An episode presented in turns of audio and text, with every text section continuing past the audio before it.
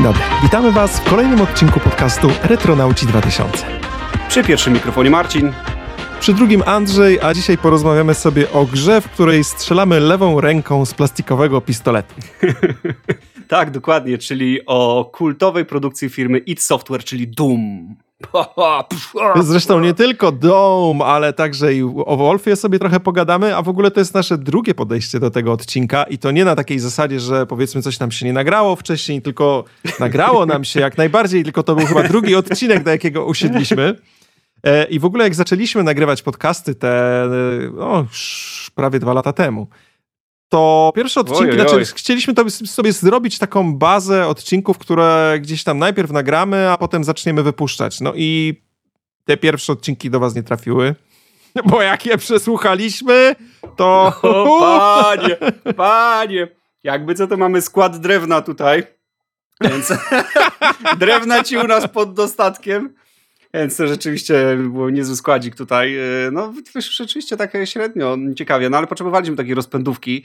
E, jako, że też sami mieszkamy właściwie, no nie, to już nie są czasy mm, dzieciaków, gdzie mieszkamy klatkę obok i widujemy się codziennie na boisku z piłką, e, tylko gdzieś tam e, kontaktujemy się tylko na łączach internetowych, e, tak więc sama też jakby, jakby to powiedzieć, przełamanie lodów też między nami było tutaj kwestią, dlatego że no z Andrzejem przecież nie widzieliśmy się tyle lat, a tutaj nagle się mm, jakby kontakt nam odnowił i postanowiliśmy ten podcast nagrywać, więc to też jakby takie docieranie się, nasza współpraca, e, to też były dosyć może nie trudne początki, ale na pewno e, początki wymagające pewnej odwagi, mimo że nie widzimy się nawzajem, a w ogóle Andrzej niebawem mnie odwiedzi i może nagramy wam odcinek e, live. To będzie ciekawe wyzwanie, jak zobaczę tylko jego twarz, to od razu pewnie będę się śmiał cały czas, odcinek będzie prześmiany.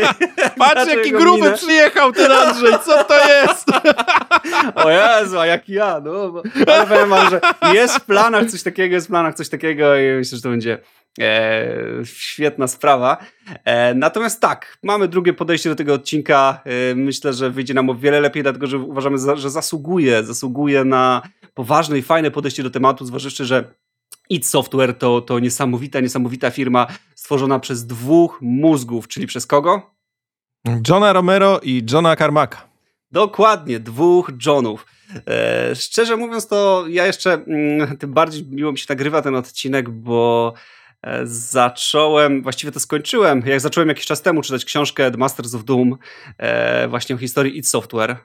Bardzo, bardzo polecam. Ja myślę, że jak będziesz w Krakowie tutaj, to, to chętnie ci tę książkę pożyczę, albo ściągnij sobie jakiegoś audiobooka, czy, czy, czy, czy, czy, czy po prostu na Kindle. Nie wiem, czy Kindle czytasz, czy wolisz papierową wersję książek? Eee, wolę papierowe, bo nie mam Kindla. Ale jakbyś miał Kindla, to byś wolał Kindla. Znaczy nie, no generalnie ja też wolę papier. Ja generalnie naprawdę, no od czasów kupowania Top Secretów, CD Action, generalnie e, do tego stopnia jestem zboczeńcem, że wącham gazetę w środku. Ale ja też, bo gazety super, ja w ogóle CD Action lubię czasami tak sobie niuchnąć, nie, jak kupię nowe.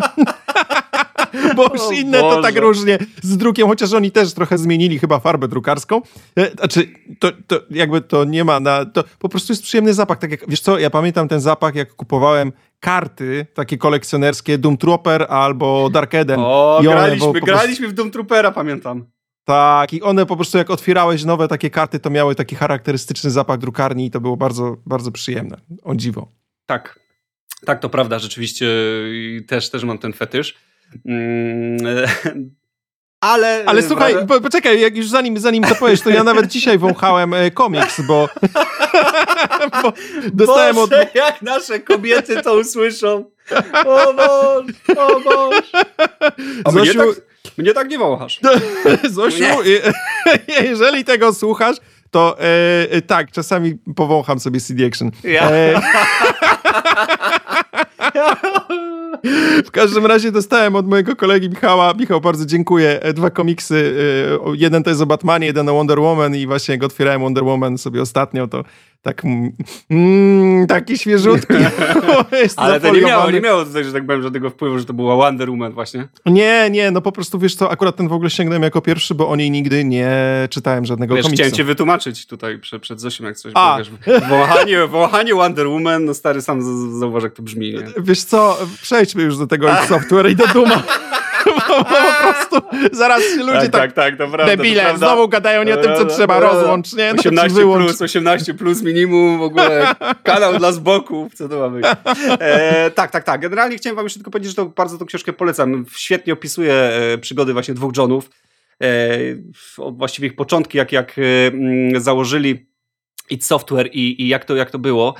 A dla osób, które, które właściwie nie mają pojęcia, czym było id Software, ani czym były te persony, jak i po prostu osób, które wiedzą, że tej książki nigdy nie przeczytają, ani e, nie do końca mają jakiekolwiek pojęcie, to mogę tylko tak przytoczyć, że oboje byli świetnymi programistami, no i przede wszystkim graczami, chociaż Romero był chyba większym graczem niż Carmack. E, Romero był świetnym programistą Apple II. E, zresztą Carmack od małego e, też, też zajmował się programowaniem w wieku 14 lat, zresztą słynna anegdota, gdzie z kolegami razem włamał się do szkoły, by ukraść komputery Apple II.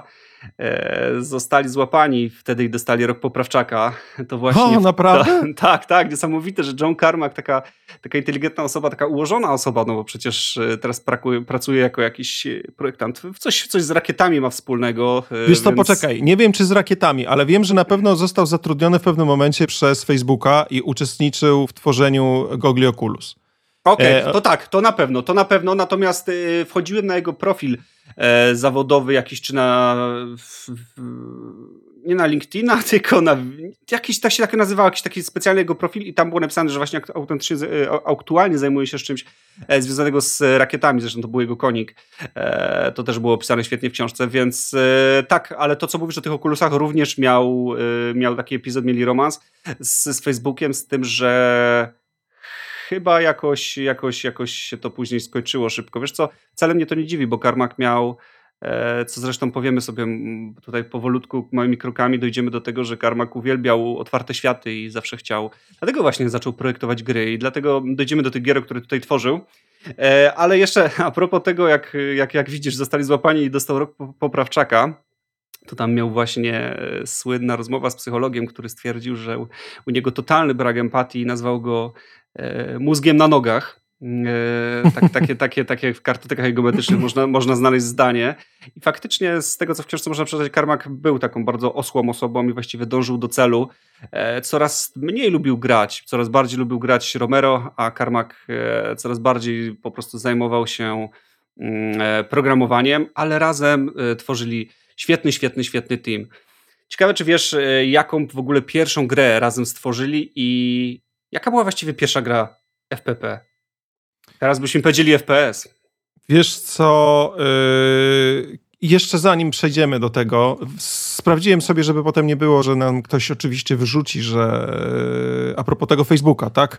Yy, w tej chwili pracuje w Facebooku, natomiast wcześniej o. faktycznie pracował, wcześniej pracował w yy, Aerospace Armadillo, cokolwiek. O, nie mam pojęcia, co to za firma. Natomiast przestał tam pracować, z tego co widzę, w 2009.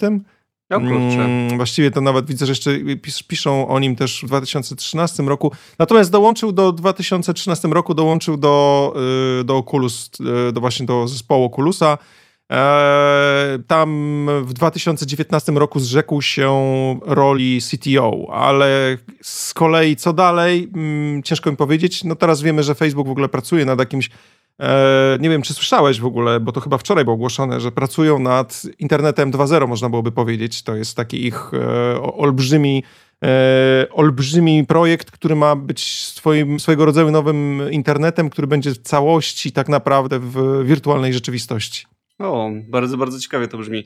Natomiast jak słyszę Facebook i internet, y, nie wiem, czy mam najlepsze skojarzenia. Y, Facebook y, znany jest z cenzurowania lub filtrowania treści takie, jakie mu są na rękę, więc w internet w ich wykonaniu to znaczyłoby no internet 2.0, czyli taki ogólnie przefiltrowany podejrzewam internet.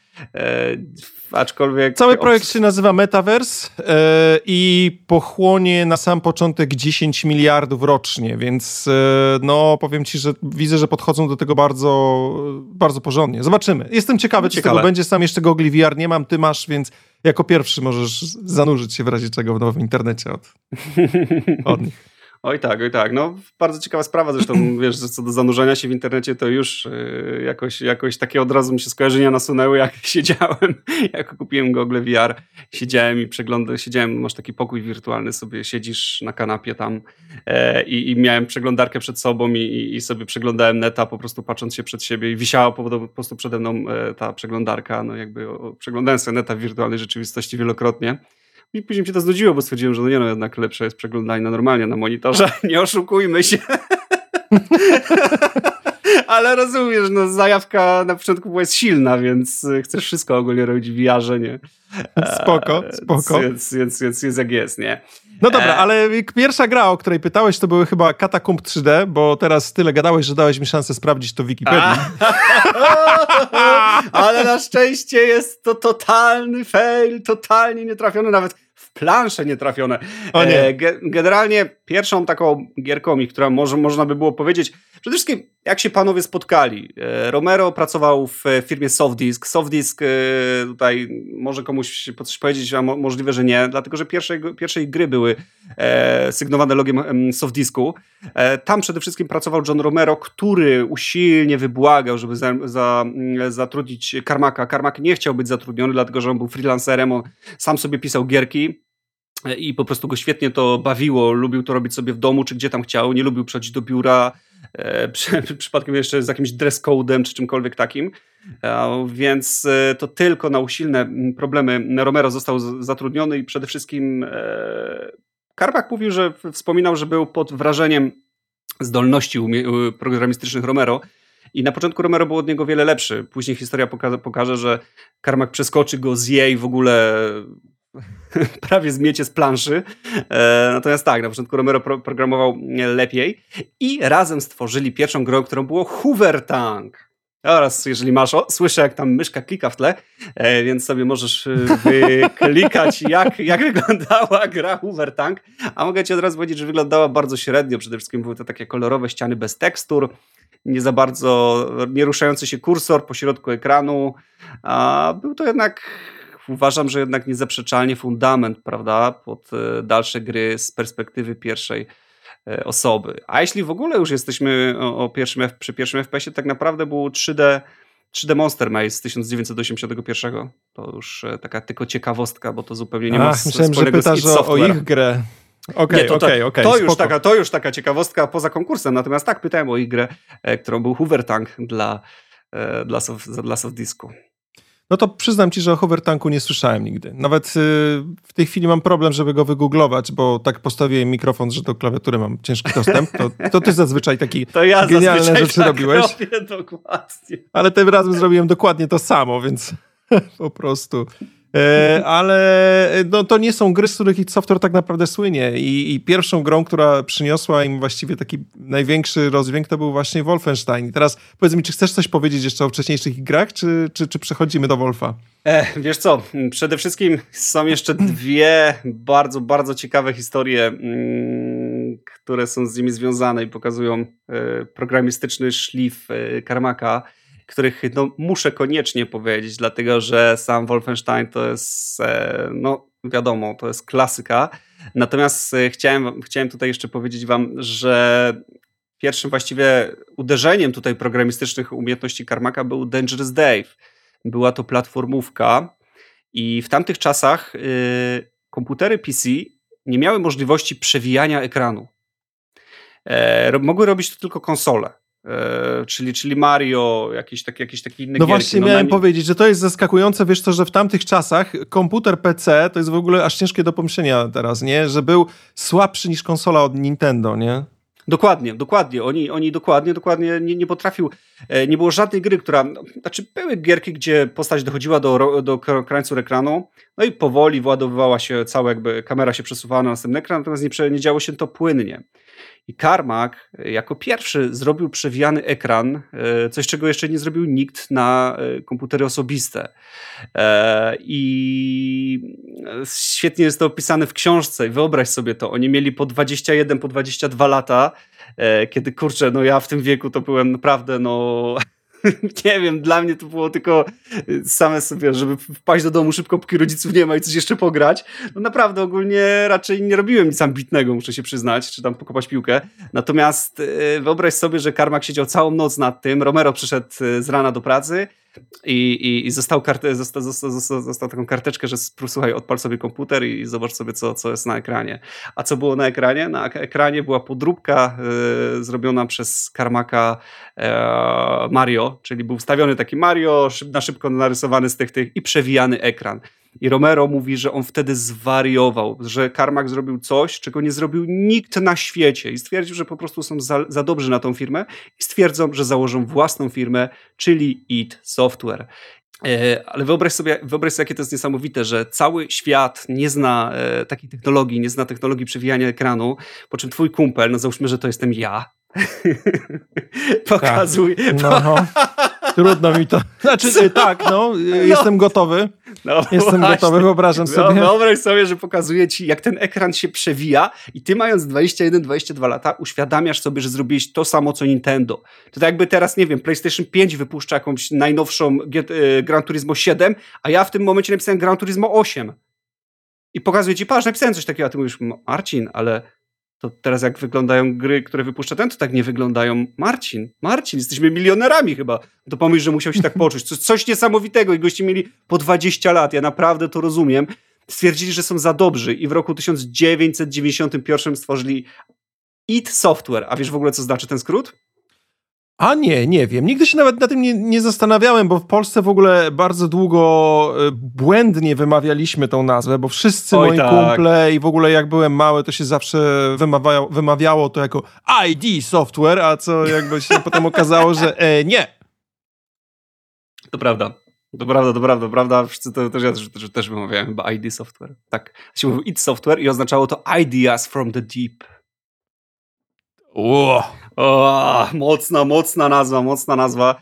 E, to oczywiście jeszcze tam troszeczkę wcześniej, jeszcze tak a propos mm, tego demka, oni wyobraź sobie, że wysłali to demko nawet do Nintendo e, i po prostu stwierdzili, że mm, może przeportują Mario na komputery osobiste, czy coś takiego. Wiesz, jakby dostali im się kawałek tortu. Mm, no ale Nintendo bardzo im kulturalnie podziękowało, powiedział, a, dzięki panowie, masakra, fajna sprawa, ale nie. E, to też moim zdaniem straszne słabe zachowanie Nintendo. Serio, masz dwudziestolatka, który napisał taki kod i mówisz mu po prostu nie i dalej sobie prowadzisz swoją firmę, nawet bez oferty zatrudnienia go.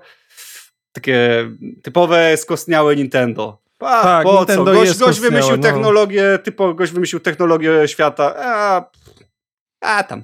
Ale wiesz, to żyje. już nawet było widać po tym, jak oni w latach 90. konkurowali z Segą, która e, wprowadzała bardzo dużo nowości, wprowadzała w ogóle inne podejście, inne podejście do marketingu i przede wszystkim takiego bardzo agresywnego, młodzieżowego marketingu, a Sega dalej trzymała się swojego skostniałego e, właśnie bardzo podejścia i przede wszystkim Mario ponad wszystko. Takie, tak, tak, dokładnie. Wiesz, ale na dobrą sprawę y, tak jak w tej chwili patrzymy na Nintendo, oni niewiele się zmienili i to trochę jest zarówno plusem, jak i minusem w ich przypadku. Myślę, że o Nintendo kiedyś po prostu musimy sobie osobno porozmawiać, tak, bo to, to jest konieczna sprawa. To jest firma którą, firma, którą albo kochasz, albo w sumie bardzo olewasz, bo wydaje ci się nijaka, ale jak już się wgryziesz w ich rzeczy, to się okazuje, że one mają sens, są po prostu inne niż to, co prezentują tak naprawdę pozostali i i ma to... Dokładnie, dokładnie, dokładnie. Tym bardziej, że ja na przykład jak wróciłem teraz, kupiłem tego Switcha, no to pierwszy odpaliłem sobie te Mariany, to sam to mówiłem. No nie wiem, zagrałem w Mario Odyssey i stwierdziłem, o Boże, kocham Mario. Gdzie było Mario przez te wszystkie lata w moim życiu? Więc wiesz, to jest... Nintendo się kupuje dla Nintendo. Wąsaty hydrauliku, tęskniłem za to. Dokładnie. Chodź, no, ale... mnie swoim dużym nosem. tak, mieliśmy, słuchaj, mieliśmy unikać tego 18+. Plus. E, no, tak, tak, tak jak czy inaczej, no, Nintendo się kupuje dla Nintendo i to dobrze wiemy, e, więc, no ale tak, że abstrahując od Nintendo, oczywiście i nie było też takie głupie, dlatego, że jednak nie zmarnowali tego silnika i wydali grę e, na PC, opierającą się na tym silniku i była pierwsza gra z przesuwającym się ekranem i myślę, że znasz tą nazwę. Commander będę... Ken. Oczywiście, Commander Kin raczej właściwie. A, Kin, okej. Okay. E, sprzedawana jako shareware, to też się do jej popularności. W ogóle fantastyczne było to, jak bardzo shareware był wtedy na topie i jak ciekawe to było podejście. Ty sam zauważ, że właściwie większość ludzi w Polsce miało tylko pierwszy epizod Duma czy pierwszy epizod Wolfa.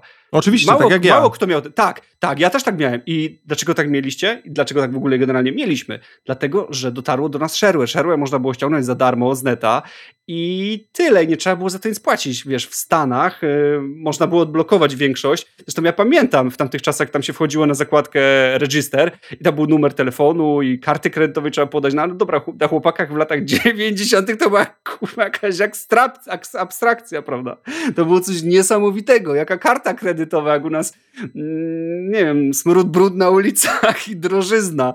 A, a, a, a nie mówiąc o jakichś kartach kredytowych, czy tam możliwości zadzwonienia gdzieś i zarejestrowania tej gry, więc wszyscy ci jesteśmy w te shareware, bo po prostu one gdzieś tam pocztą pantoflową po necie do nas przyszły. Gdzieś tam wujek kolegi ściągnął przy, przypadkowo z niemieckimi pornolami i tylko dlatego to mieliśmy. To był niesamowity sposób dystrybucji.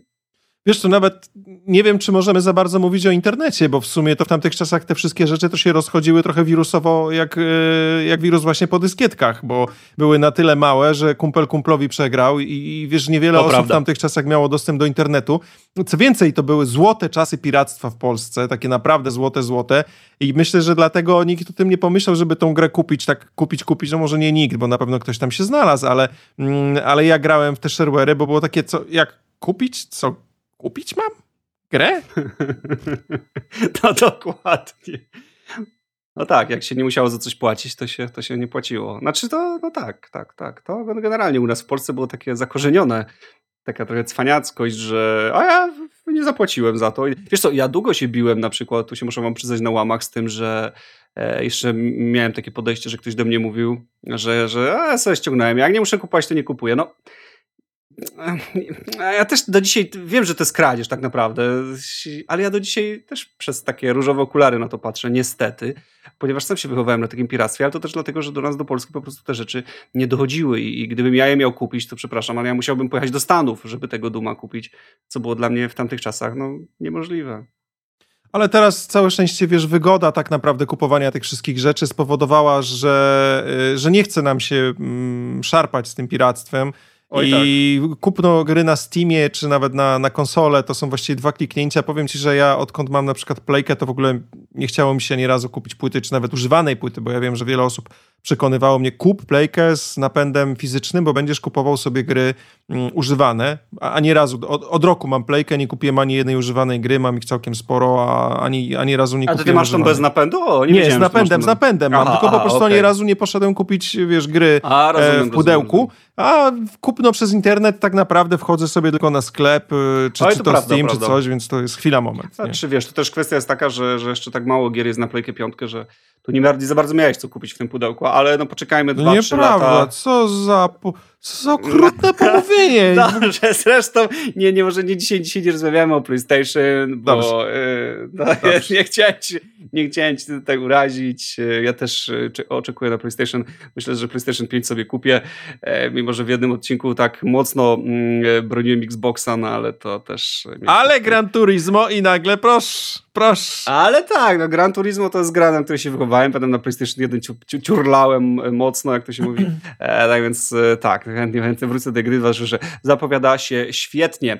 I jeszcze, mm, bo wiem, że już cię korci, już tam palcami przebierasz u stóp i już włosy, włosy w nosie ci Nieprawda? kręcą. Nieprawda, Włos... mam stópki włożone do ogrzewacza, bo mam zimno w domu i mam włożone do takiego ogrzewacza elektrycznego, więc nawet nie mogę za bardzo nimi potem, wiesz. A, biedny Andrzej.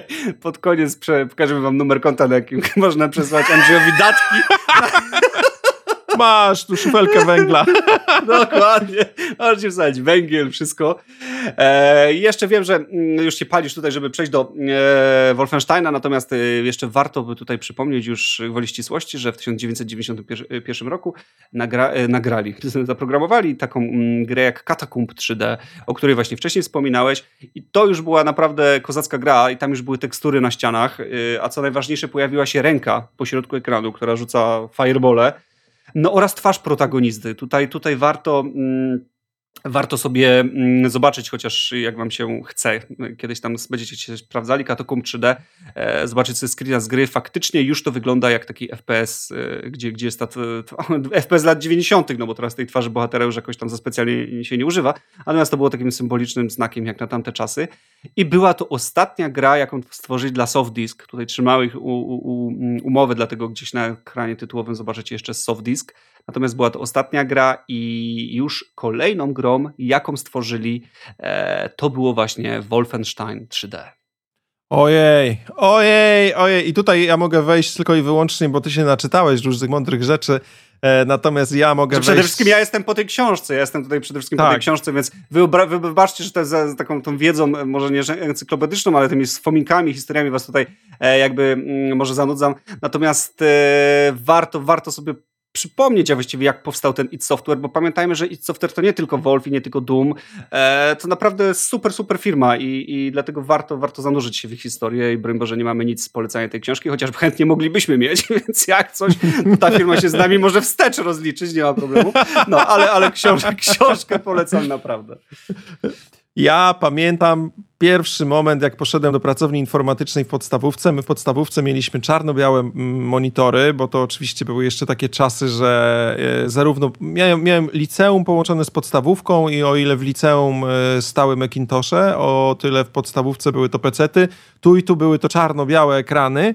Mm, e, natomiast ten moment, kiedy w DOSie jesteś i kolega ci pokazuje magiczną komendę, kiedy mówi, patrz, wpisz tak, cdwolf, wpisujesz cdwolf, a teraz wpisz tak, wolf3d.exe, nie? I wpisujesz i nagle przenosisz się do innego świata, który pojawia ci się na ekranie i widzisz po raz pierwszy grę, gdzie patrzysz właściwie oczami bohatera głównego, tak jakby, tak? I jesteś w stanie iść sobie przed siebie i strzelać z pistoletu do jakichś tam złych nazistów i tak dalej ja po prostu oszalałem. Dosłownie nie chciałem wyjść z tej pracowni informatycznej, i potem e, tylko każda przerwa była wolna, to się wpadało do tej pracowni i było tak, dzień dobry, można, można na przerwę? I się wpadało na przerwę i po prostu wiesz, wpisywało się wolf3d.exe i potem kończyła się ta przerwa, był dzwonek po prostu i już powinieneś biec na lekcję, ale jeszcze wy tam minutę, bo wiesz, że jeszcze ludzie będą wchodzić do tej sali, więc jeszcze tą minutę przetrzymywałeś, potem biegłeś na pełnej pecie, wiesz, po prostu do, na, na zajęcia powiedzmy z matematyki czy polskiego i całe 45 minut myślało się tylko o tym, żeby znowu wrócić do tej sali informatycznej i tego Wolfa uruchomić. To było coś niesamowitego. To prawda. Ja z Wolfem mam również e, takie niesamowite wspomnienia. Wolfenstein, czyli 1992. E, generalnie, tak jak mówisz o tych Macintoshach i o tych czarno-białych monitorach, to właściwie reszta świata miała już karty VGA posiadające 256 kolorów oraz 16-bitowy dźwięk na kartach chociażby znanych nas pod nazwą Sound Blaster.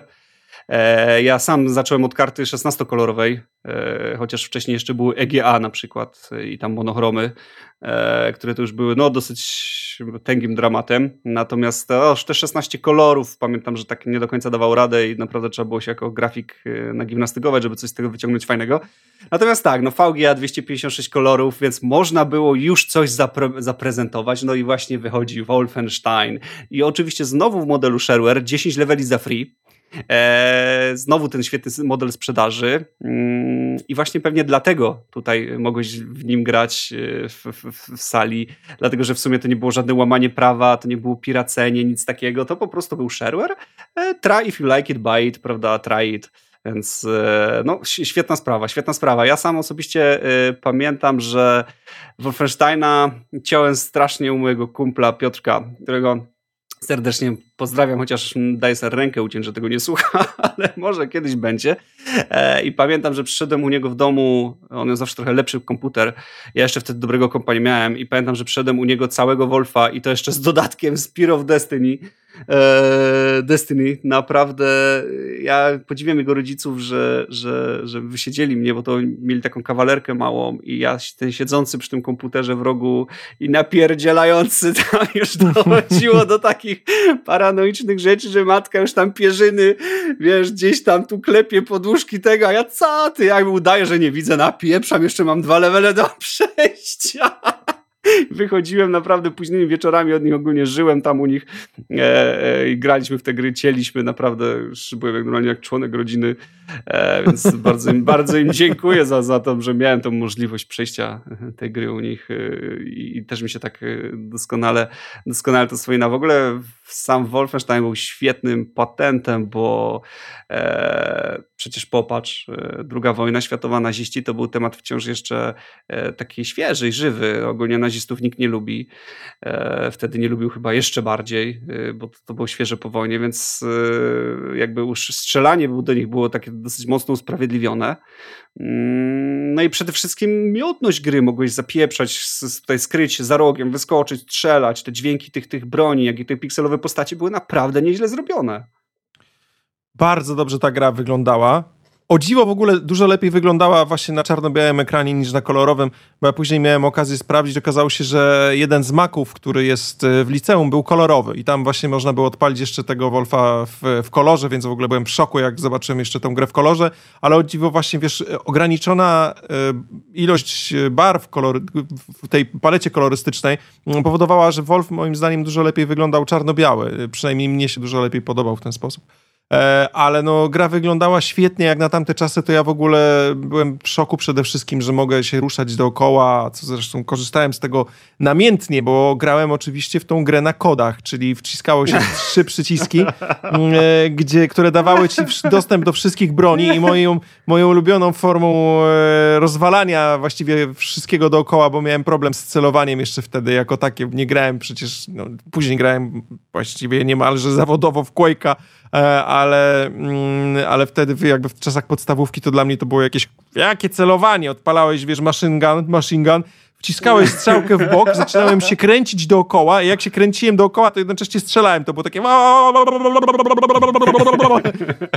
I w ten sposób wszystko kładłem. Jak się skończyła nim amunicja, to znowu kod na, wiesz, na wszystkie bronie i do przodu, nie? Nie, cały że jak nie piraci, to gra na kodach. To jest po prostu antybohater tutaj. Antybohater. Nie, no żartuję oczywiście.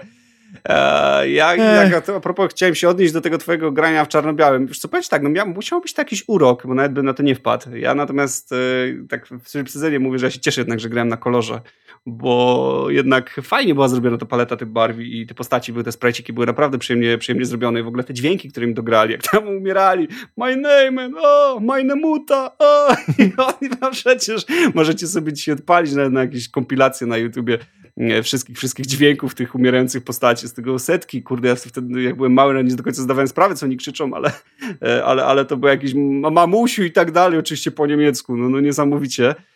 E, fajne było też ta możliwość zbierania punktacji, tych złotych krzyży, pucharów, czy takich innych rzeczy, które, no zauważ, co rabowali naziści. Często było w filmach, na przykład Zaginiona Arka, poszukiwacze Zaginionej Arki z, E, Indiana Jones, e, tam też był właśnie motyw e, z, z nazistami, ogólnie jeszcze III Rzeszy. Generalnie właśnie szukali zawsze tych pucharów, świętego grala, ogólnie jakieś złote krzyże nakradzione i tutaj też w tej grze było coś takiego. To się świetnie kojarzyło właśnie z takimi filmami przygodowymi i, i, naprawdę bardzo, bardzo, bardzo dobrze to, to pasowało do, mm, do całej gry. I ogóle uważam, że naprawdę Wolfenstein był świetnie, świetnie, świetnie zrobiony, a tak jeszcze tylko z takich ciekawostek to E, pomysł wzięli e, z takiej gry, która też właśnie e, chyba, ona się chyba nazywała dokładnie Return to Castle Wolfenstein, to tam pamiętam też jeszcze z książki troszeczkę.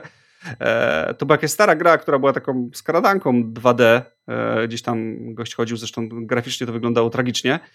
Natomiast właśnie stwierdzili, że, że klimaty tego zamku posępnego Wolfenstein będzie tutaj świetnie pasować. E, o, nawet sobie wygooglowałem, ta gra się nazywa e, Castle Wolfenstein i była firmy Moose Software.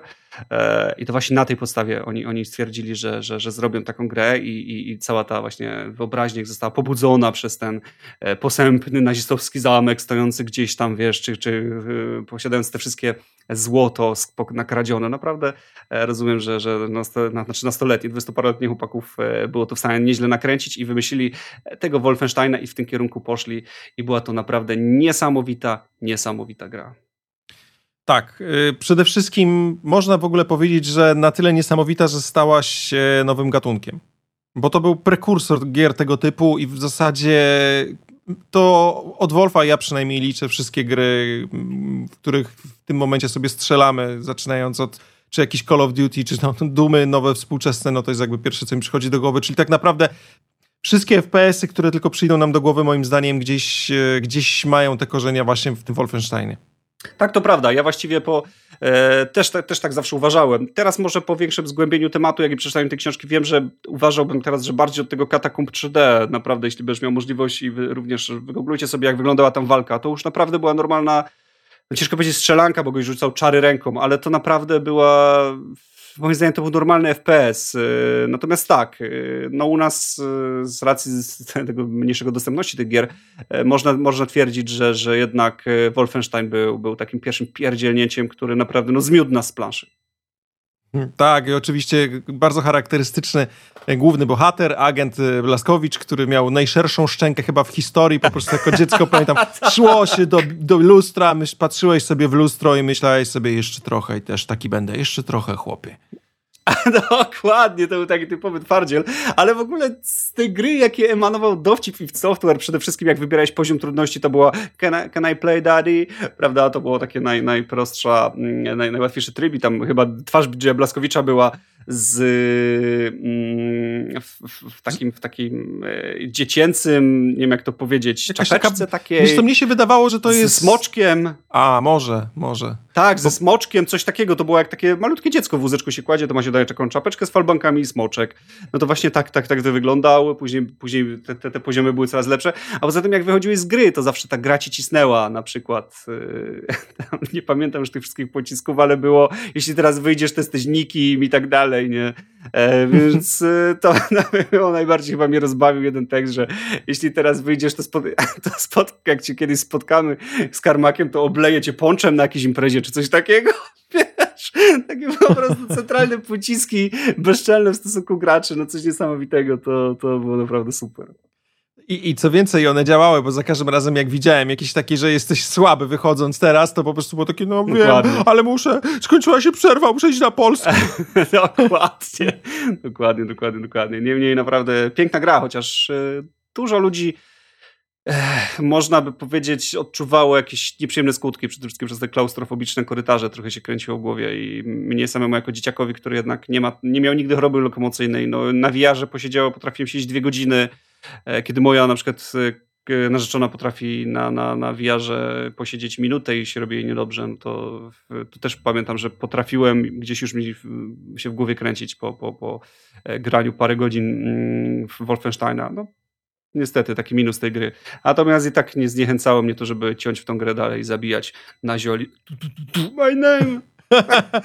I to był rok 92, a w roku 93 już dostaliśmy kolejną grę od id Software i powiem ci, że ja jestem po prostu pełen wdzięczności dla wszechświata, że w tym, e, w tym okresie, kiedy karty graficzne kosztują tyle, ile kosztują, o czym wiesz sam najlepiej, bo ty, burżuju, jeden wstrętny, kupiłeś sobie nową kartę mimo zatrważających cen.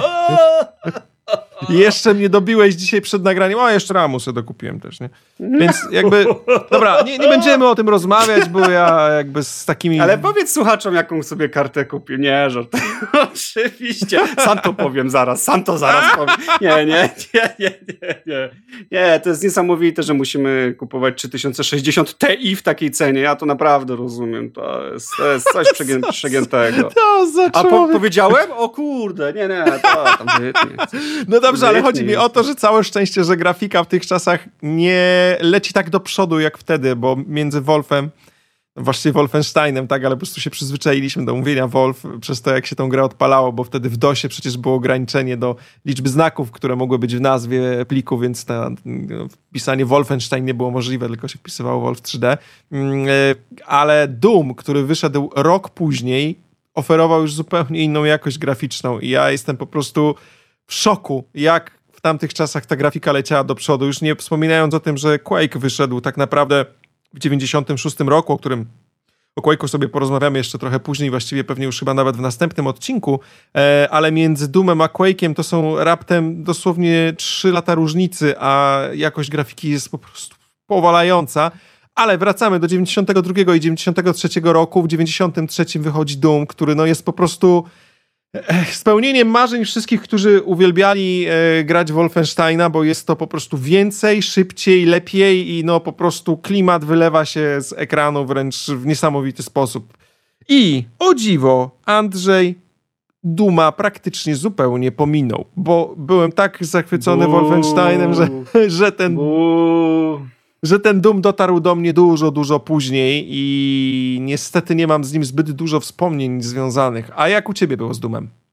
E, wiesz co, Doom do mnie dotarł jakoś całkiem nie, nie, niebawem po, po Wolfie. W ogóle tak a propos tych, tych, tych, tych co mówiłeś, przeskoków e, lat i rozwoju technologii, to, to tak, to rzeczywiście to były 3 lata między Doomem a, a natomiast mniejszym przeskokiem było między Doomem a Wolfem, dlatego że Wolf był w 92, a Doom był w 93. To była różnica roku ponad. No tam wiadomo, że pracowali trochę dłużej nad tym, więc to było dopiero niesamowite, a jednak Doom, e, trzeba to powiedzieć, e, no tutaj jakby nie było, e, oferował pełną grafikę 3D i poruszanie się w trzech wymiarach. E, więc e, to już nie był mm, Wolf, na którym nie mogliśmy podskoczyć, czy wejść na jakąś platformę, czy, czy, czy strzelić do góry, e, czy, czy, czy tam spaść z jakiejś wysokości.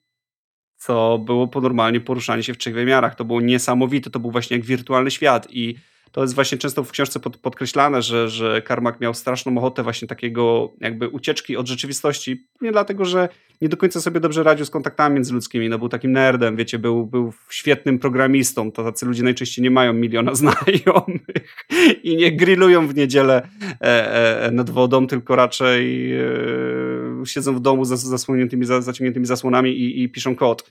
Mm po prostu to jest, to jest y, ich, ich konik, y, co jest dla mnie całkiem zrozumiałe.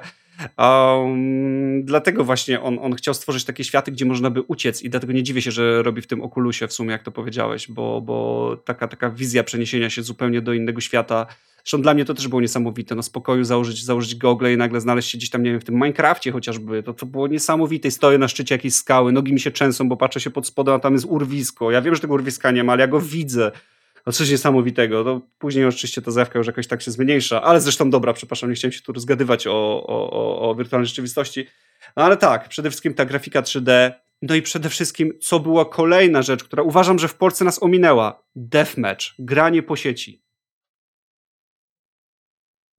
Och, to znaczy może w przypadku Duma, Duma nas ominęła, no bo oczywiście Później był Quake, który myślę, że już bardzo wiele osób wtedy Oj, tak, tak, tak. Natomiast mówię o, o, o, tutaj o Doomie, bo Doom jako pierwsza gra wprowadziła coś takiego jak pojedynki, czyli deathmatch. Tak, i, i powiem ci, że y, ni, niestety nie miałem okazji sprawdzić Duma po multiplayerze. Znam ludzi, którzy mm, faktycznie cieli w niego bardzo mocno i y, o, głównie to raczej po jakichś lokalnych sieciach. Zresztą to była gra, która potrafiła tak samo jak Quake potem paraliżować czasami firmy, typu gdzieś tam jakieś, nie wiem, drukarnia tak, coś. Tak. To już słyszałem po prostu opowieści od mojego kuzyna, który opowiadał, jak gdzieś tam chociażby właśnie w drukarni potrafili ciąć e, w gry tego typu, także wiesz, robota stała, a komputery wszystkie, które powinny tak naprawdę być używane do, wiesz, do przetwarzania tam grafiki i puszczenia dalej rzeczy do druku, to po prostu się dymiły od, od Duma czy Quake'a. Także no to było, to, to było coś niesamowitego, bo pierwszy raz mieliśmy okazję postrzelać do kolegi, no i ja wiem, co, jakie emocje dawał później Quake. No Quake dawał po prostu niesamowite emocje. Ja złamałem krzesło przy Quake'u, ale to zresztą będę opowiadał, jak będziemy gdzieś tam o, o Quake'u opowiadać, bo mm, myślę, że z Quake'iem dzielą mnie no niesamowite tak naprawdę wspomnienia i z, z każdą częścią tej gry.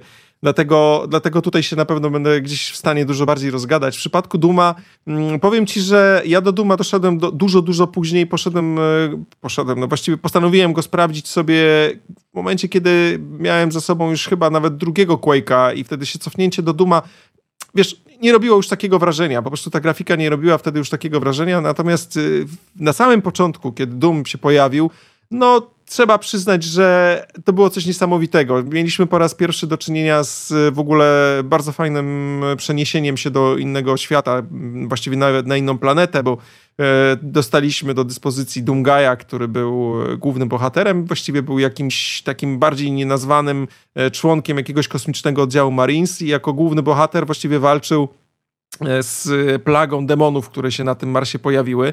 No i e, o ile sam pomysł był super, o tyle no dla mnie, mnie troszeczkę ominął, bo tak naprawdę mój pierwszy PC pojawił się chwilę później. Mój pierwszy PC pojawił się dopiero gdzieś w 95 albo 96 roku i wtedy właśnie mieliśmy już do czynienia z grami w pełni w trójwymiarze. A jak u ciebie wyglądało granie w Duma?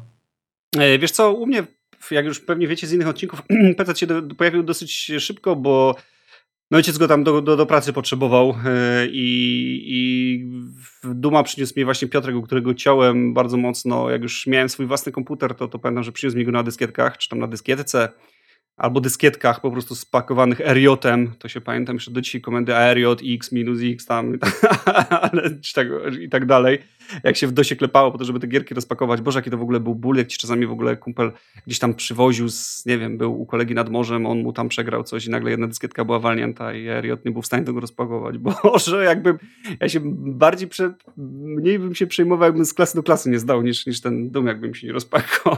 To było coś, kurde, niesamowitego.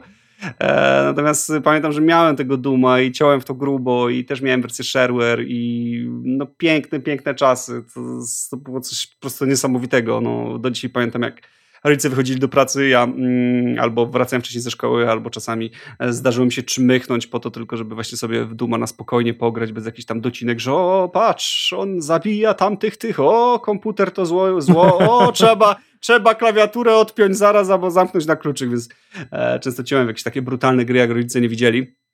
Tym bardziej, że nie miałem swojego komputera, bo to komputer był wtedy o wartości, nie wiem, trzy razy wypłata miesięczna, więc kupowali tylko ci, co naprawdę ten komputer potrzebowali. To były kosmiczne ceny. Tam były, komputer kosztował załóżmy 4000, a średnia wypłata była 1200. Więc. E, no, nie to, gdzie, żeby no... teraz karty graficzne nie. a przepraszam, nieważne. No tak, tak, tak, troszkę tak, ale e, no tak.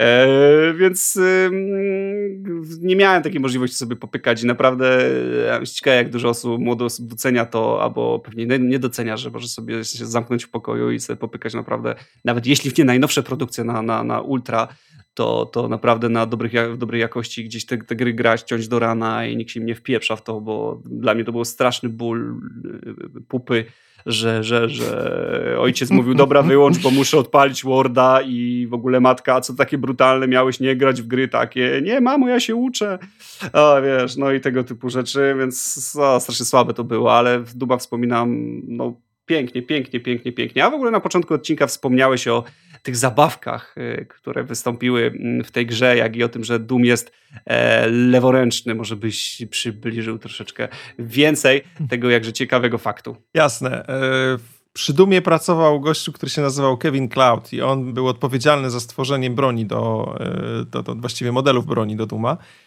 I wymyślił sobie bardzo prosty sposób. Poszedł do sklepu zabawkowego, kupił kilka różnych dziwnych zabawek, po czym sfotografował po prostu swoją rękę, trzymającą pistolet i teraz, ponieważ trzymał prawą ręką aparat fotograficzny, to do lewej ręki wziął, e, wziął po prostu te bronie i dlatego nasz mm, Doom Guy, który, który sobie, z, z którym gramy w, w, grze, jest leworęczny, bo właśnie tylko i wyłącznie z tego to wynika, że gość trzymał w prawym ręku aparat fotograficzny.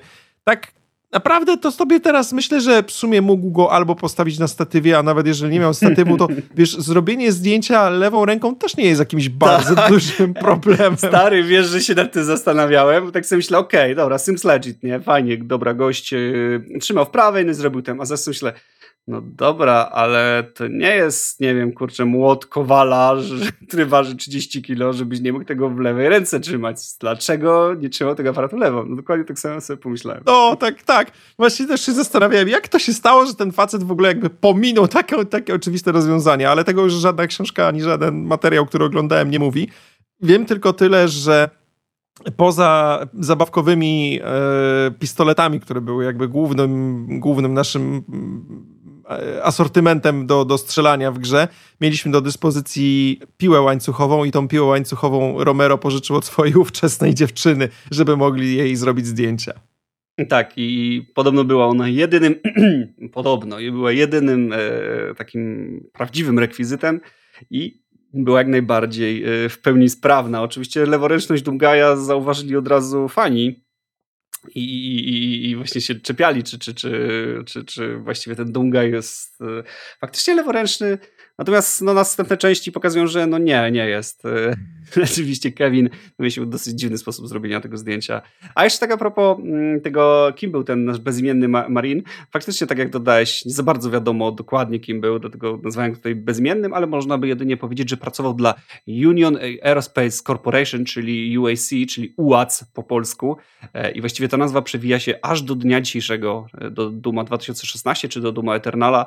E, można, można to logo mm, cały czas zobaczyć i jest już ono od pierwszej części. No tak, bo Doom do nas wrócił. Z, właściwie id Software dalej produkuje gry, chociaż nie jest to już zdecydowanie ten sam skład, który już tam chyba nikt nie został tak naprawdę z tego pierwszego składu. E, w 2016 roku dostaliśmy nowego Duma, ja byłem zachwycony. Potem wyszedł Doom Eternal, który jest fantastyczny. Bardziej tutaj ty jesteś nim zachwycony, bo ja sobie nie mogę na mojej karcie jeszcze za bardzo w niego pograć. Trochę jeszcze muszę zmienić tą kartę, ale są drogie. Dosyć. Ale, ale, ale, ale, Andrzeju, ale Andrzeju drogi, Andrzeju drogi. Ty miałeś taką kartę, przepraszam, jak ja miałem poprzednio i tak. ja na mojej poprzedniej bardzo dobrze grałem. No. Po prostu chyba reszta sprzętu też jest powolutku. Nie, powolutku. mieliśmy prawie taką samą kartę. Moja niestety miała tylko 3 giga pamięci. A, a nie 6. 6. I po prostu nie był w stanie mi. Znaczy, byłem w stanie odpalić tą grę, no ale jakby sam powiedziałeś, że czekałeś z dodatkami do Duma, aż zmienisz sobie kartę graficzną i ja z tak. tym e, Doomem Eternalem też trochę tak naprawdę czekam. E, muszę przyznać, że Doom 2016 bardzo mi się podobał. Zresztą mnie się w ogóle już bardzo podobał Doom 3, który chyba nam właściwie wykracza poza, poza ramy, bo Doom 3 wyszedł w 2004 roku, więc biorąc pod uwagę, że omawiamy rzeczy, które powstały przed rokiem 2000, chociaż właściwie pewnie coś tam sobie i opowiemy o tych nowszych Na pewno, myślę, że liźniemy tego tematu, tym bardziej, że z tego co kojarzę, y, Doom 3 to był ostatni Doom, przy którym pracował Carmack jeszcze. Teraz faktycznie y, nie ma już y, nikogo prawie ze składu, chyba została jedna czy dwie osoby. E, wiem dlatego, że jak właśnie czytałem ostatnią książkę, to tam było w epilog od, od autora i co się stało dzisiaj z tymi bohaterami, e, z tymi postaciami z tej książki i, i, i tam było, że, że chyba w oryginalnym id Software pracuje jeszcze jedna czy dwie osoby, więc ktoś tam jeszcze pozostał, natomiast yy, rzeczywiście to już, to, już, to już nie jest yy, ten sam mm, skład. E, kolejną ciekawą rzeczą to Doom jako pierwsza gra dostała oznaczenie Major. Dziwisz się? Bo ja się nie. nawet nie dziwię. No. zupełnie nie, zupełnie nie. E, właściwie kiedy on pojawił się w, do sprzedaży w 1993 roku w grudniu, ta amerykańska organizacja, ISR, ISRB jeszcze w ogóle nie istniała. E, więc dopiero później chyba mm, dostała, dostała ocenę M. W sumie też tak, tak, tak dokładnie się nie dziwię i, i to też było pod wpływem no, rozgorzałej dyskusji, nie? która Stanach się zaczęła na temat brutalności gier. No, patrząc na to, wiesz, na ten przeskok technologiczny, jak gdzieś tam wcześniej najpierw, najpierw były naprawdę gierki, gdzie tam poruszał się parę patyczków po jakimś czarnym ekranie, przechodząc do Duma, gdzie no mamy e, jakieś już po prostu rozrywających się potworów, strzelające w ogóle zwłoki, latające wszędzie. No i widząc to skostniałych starszych panów z amerykańskiego senatu, no mogło im to otworzyć e, buzię, że tak powiem, i e, włożyć do ust dużo argumentów, e, które były przeciwko grom i właściwie sprowadzające to, że gry są bardzo brutalne i będą doprowadzały do, u dzieci do jakichś takich wybuchów złości, czy w ogóle zwiększonej agresji, a przecież już dzisiaj opierając się na wielu medycznych badaniach wiemy, że jest totalnie, nie, jest to nieprawdziwe prawdziwe stwierdzenie, a wręcz jest odwrotnie, bo granie w takie gry powoduje upust jakby możliwości nerwów, e, znaczy takiego zbytniego denerwowania się u, u wielu osób i, i e, nie, nie, nie przekłada się to zupełnie na jakiś negatywny rozwój psychiki. Bardzo mi się podobają te badania.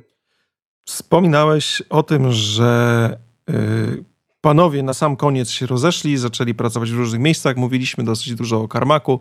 Natomiast wypadałoby powiedzieć też coś o Johnny Romero, który jest takim trochę czarnym koniem tego wszystkiego. Chociaż może nie, to, to nie jest dobre określenie, nie jest czarnym koniem. E, on generalnie był bardzo specyficzną osobą i nie dość, że w pewnym momencie 96 roku stwierdził, że odejdzie z id Software, czyli w momencie, kiedy panowie tak naprawdę byli u szczytu mm, swojej sławy i... On został zwolniony z id Software. Tak? Tak. O, proszę, bo jak dziś... On został zwolniony z software, tym bardziej, że książka to dosyć mocno opisuje, to znaczy on zaczął, zaczął się już w pewnym momencie za bardzo gwiazdożyć, stał, był jak, jak to opisywało, a oni się tam zachowywali, byli jak gwiazdy roka, e, po prostu e, odbierani przez ludzi, wiesz, no jeżeli masz na przykład, dostajesz telefon od Aerosmith mówiąc, ej, wasza gra jest mega i masz 20 parę lat stary, no nie odbiłaby ci szajba, Wiesz co, myślę, że tak. Myślę, że mając 20 parę lat mi odbiłaby szajba, ale nie każdemu, zobacz, odbiła, bo Karmakowi zdecydowanie nie odbiła. Karmak po prostu poprowadził swoją karierę dalej, tymczasem Romero właściwie przepadł, tak? Bo on przez chwilę, on założył później firmę, która się nazywała Ion Storm. Postanowili wydać tak. grę, która e, nazywała się Daikatana. Tylko, że do Daikatany kupili sobie silnik Quake'a 2, zresztą, który no, oczywiście kupili od id Software, tylko, że tak długo się borykali ze zrobieniem tej gry, że tak naprawdę kiedy ją wydali w 2000 roku, to już od roku był dostępny Quake 3, który był na no, rewolucyjnym tak, tak, wręcz tak. silniku w porównaniu do Daikatany. Także mm, akurat ten pan nie dość, że bardzo mocno zaspał już tutaj z, Daikataną i bardzo agresywną też promocją. Kiedyś możemy o tym w sumie opowiedzieć, bo rzucał teksty, które, z którymi mógłby się pohamować, Natomiast e, przede wszystkim to powtórzył ten błąd po raz kolejny, dlatego że pamiętam jak parę lat temu pojawił się w internecie filmik. Jakoś zaraz po tym chyba, jak właśnie pojawił się Doom 2016, e, czyli okolice 2000, 2016 albo 2017 roku, John Romero wypuścił filmik, w którym, który był swojego rodzaju też parodią e, tak naprawdę Gwiezdnych Wojen, bo pojawiał się on gdzieś na jakimś takim jakby wrzosowisku, czy jakimś innym opuszczonym, dziwnym miejscu, które wyglądało trochę jak takie szkockie pustkowia. I nagle pojawiał się mm, jego dawny kolega z y, id Software, czyli Adrian Carmack, który był przecież bratem Johna Carmacka, tak? I podaje mu w taki specyficzny sposób klawiaturę i myszkę zwiniętą, tak na takiej zasadzie, jak oglądaliśmy to e, w, o, ostatnio, znaczy nie ostatnio, tylko w Gwiezdnych Wojnach, gdzie pojawia się po latach Luke Skywalker i otrzymuje na samym końcu właściwie filmu, tylko widzimy go przez chwilę i otrzymuje ten swój miecz świetlny, to tutaj mieliśmy dokładnie to samo. Ten John Romero otrzymuje tą klawiaturę, otrzymuje tą myszkę, po czym e, publicznie ogłaszają, że zrobią grę, nad którą wszyscy czekaliście. Wreszcie taki FPS, jaki powinien powstać dawno temu, że FPS będzie się nazywał Black Room i że będzie taką prawdziwą strzelanką jak z dawnych lat i mamy 2000, koniec 2021 roku i już wiemy, że ten Black Room raczej nie powstanie. Oj, tak, niestety, no, tak jak mówisz, e, John jest, John Romero jest znany z Ach, no gość, gość jest strasznie nakręcony. Jest. Oni w ogóle z Karmakiem świetnie, e, świetnie mm, się uzupełniali, bo Karmak uwielbiał przesuwać granice, ale nie był takim pasjonatem grania jak Romero. E, Karmak chciał zrobić coś, czego nikomu się nie śniło, jeszcze komuś się nikomu nie udało i iść dalej. Natomiast Romero zagrywał się w deathmatche właśnie, tam w id Software e, stare latały klawiatury, wiesz, potrafili kopnąć drzwi, wy, wyrwać je z zawiasów, a Carmack skulony w rogu wtedy pro, programował, e, wiesz, kolejną grę i, i, i, i Romero po prostu przestał w pewnym momencie, stał, stał się taką kulą u nogi. Zresztą Carmack później tego pożałował, bo powiedział, że bez Romero stało się troszkę id puste i stało się takim zwykłym korpo. E, I, I zresztą panowie później wrócili do współpracy, ale ja myślę, że o tych rzeczach i o przejściu do Duma, i, znaczy do Quake'a i ich następnych tytułów chyba pasowałoby już mm, e, rozpocząć tą cudowną dyskusję w kolejnym odcinku, dlatego że już prawie nabiliśmy godzinę, a, a jest jeszcze sporo, sporo tematu przed nami. Tak, zgadza się. Zdecydowanie przejdziemy do tego później. Ja tylko powiem Ci jako ciekawostkę, że ostatnio, kiedy e, rozmawialiśmy te prawie dwa lata temu, nagrywając odcinek o Dumie, ja wtedy ci powiedziałem, mm, że właściwie Romero przestał cokolwiek robić, ale wypuścił grę na komórki, która się nazywała Gunman Taco Track. Ty wtedy się zaśmiewałeś, że co to w ogóle on zrobił. Natomiast wyobraź sobie, że w tej chwili sprawdziłem, w 2020 roku firma Romero Games wypuściła grę Empire of Sin, która wyszła między innymi poza e, Windowsem na Maca, na PlayStation 4, na Xboxa oraz na Nintendo Switcha. Mm, e, I z tego co widzę, wygląda okropnie, ale, ale jednak może warto sprawdzić, co ten człowiek po tylu, tylu, tylu latach wreszcie osiągnął, bo widzę, że jednak jakąś grę Romero Games wypuściło. Zdecydowanie nie jest to FPS. jestem zaskoczony tym, że to jest coś w takim klimacie, a no, sprawdzę sobie. I zanim, e, zanim słuchaj, e, zanim będziemy mieli nagranie na temat e, Quake'a i dalszych części właśnie gier i software, to sprawdzę sobie, co ten Karmak nam tutaj wy, wymodlił. Ale mówisz o Romero czy o Karmaku? E, przepraszam, mówię oczywiście o Romero. O Romero, no właśnie. O, rozumiem, że patrzysz teraz. No ja niestety mam znowu ustawioną przekretyńsko klawiaturę, że równie dobrze mogę ją odczepić właściwie od komputera, jak nagrywamy, bo i tak i tak nie mogę jej używać. Nie, no ja sobie ściągnę tą grę, pogram chwilę, zobaczymy. Jestem bardzo ciekawy, co tam, co tam pan Romero stworzył. Ale faktycznie... A ja sobie ja sobie mam e, przede wszystkim, mm, e, skoro będziemy zaczynać o następne o, o odcinki o Quake'ach, to, to przede wszystkim e, też się muszę pochwalić, że w końcu z kartą RTX mam Quake'a 2 RTX, więc postaram się Dziękujemy wam bardzo serdecznie, przed... że byliście z nami przy tym tygodniu w odcinku o Dumie i cicho tam, cicho tam. RTX. Bez RTX-a by nawet kompa nie odpalał już. O, co to za menda? Żartuję, żartujemy, żartujemy. Dobra, do usłyszenia w kolejnym odcinku za dwa tygodnie. Cześć!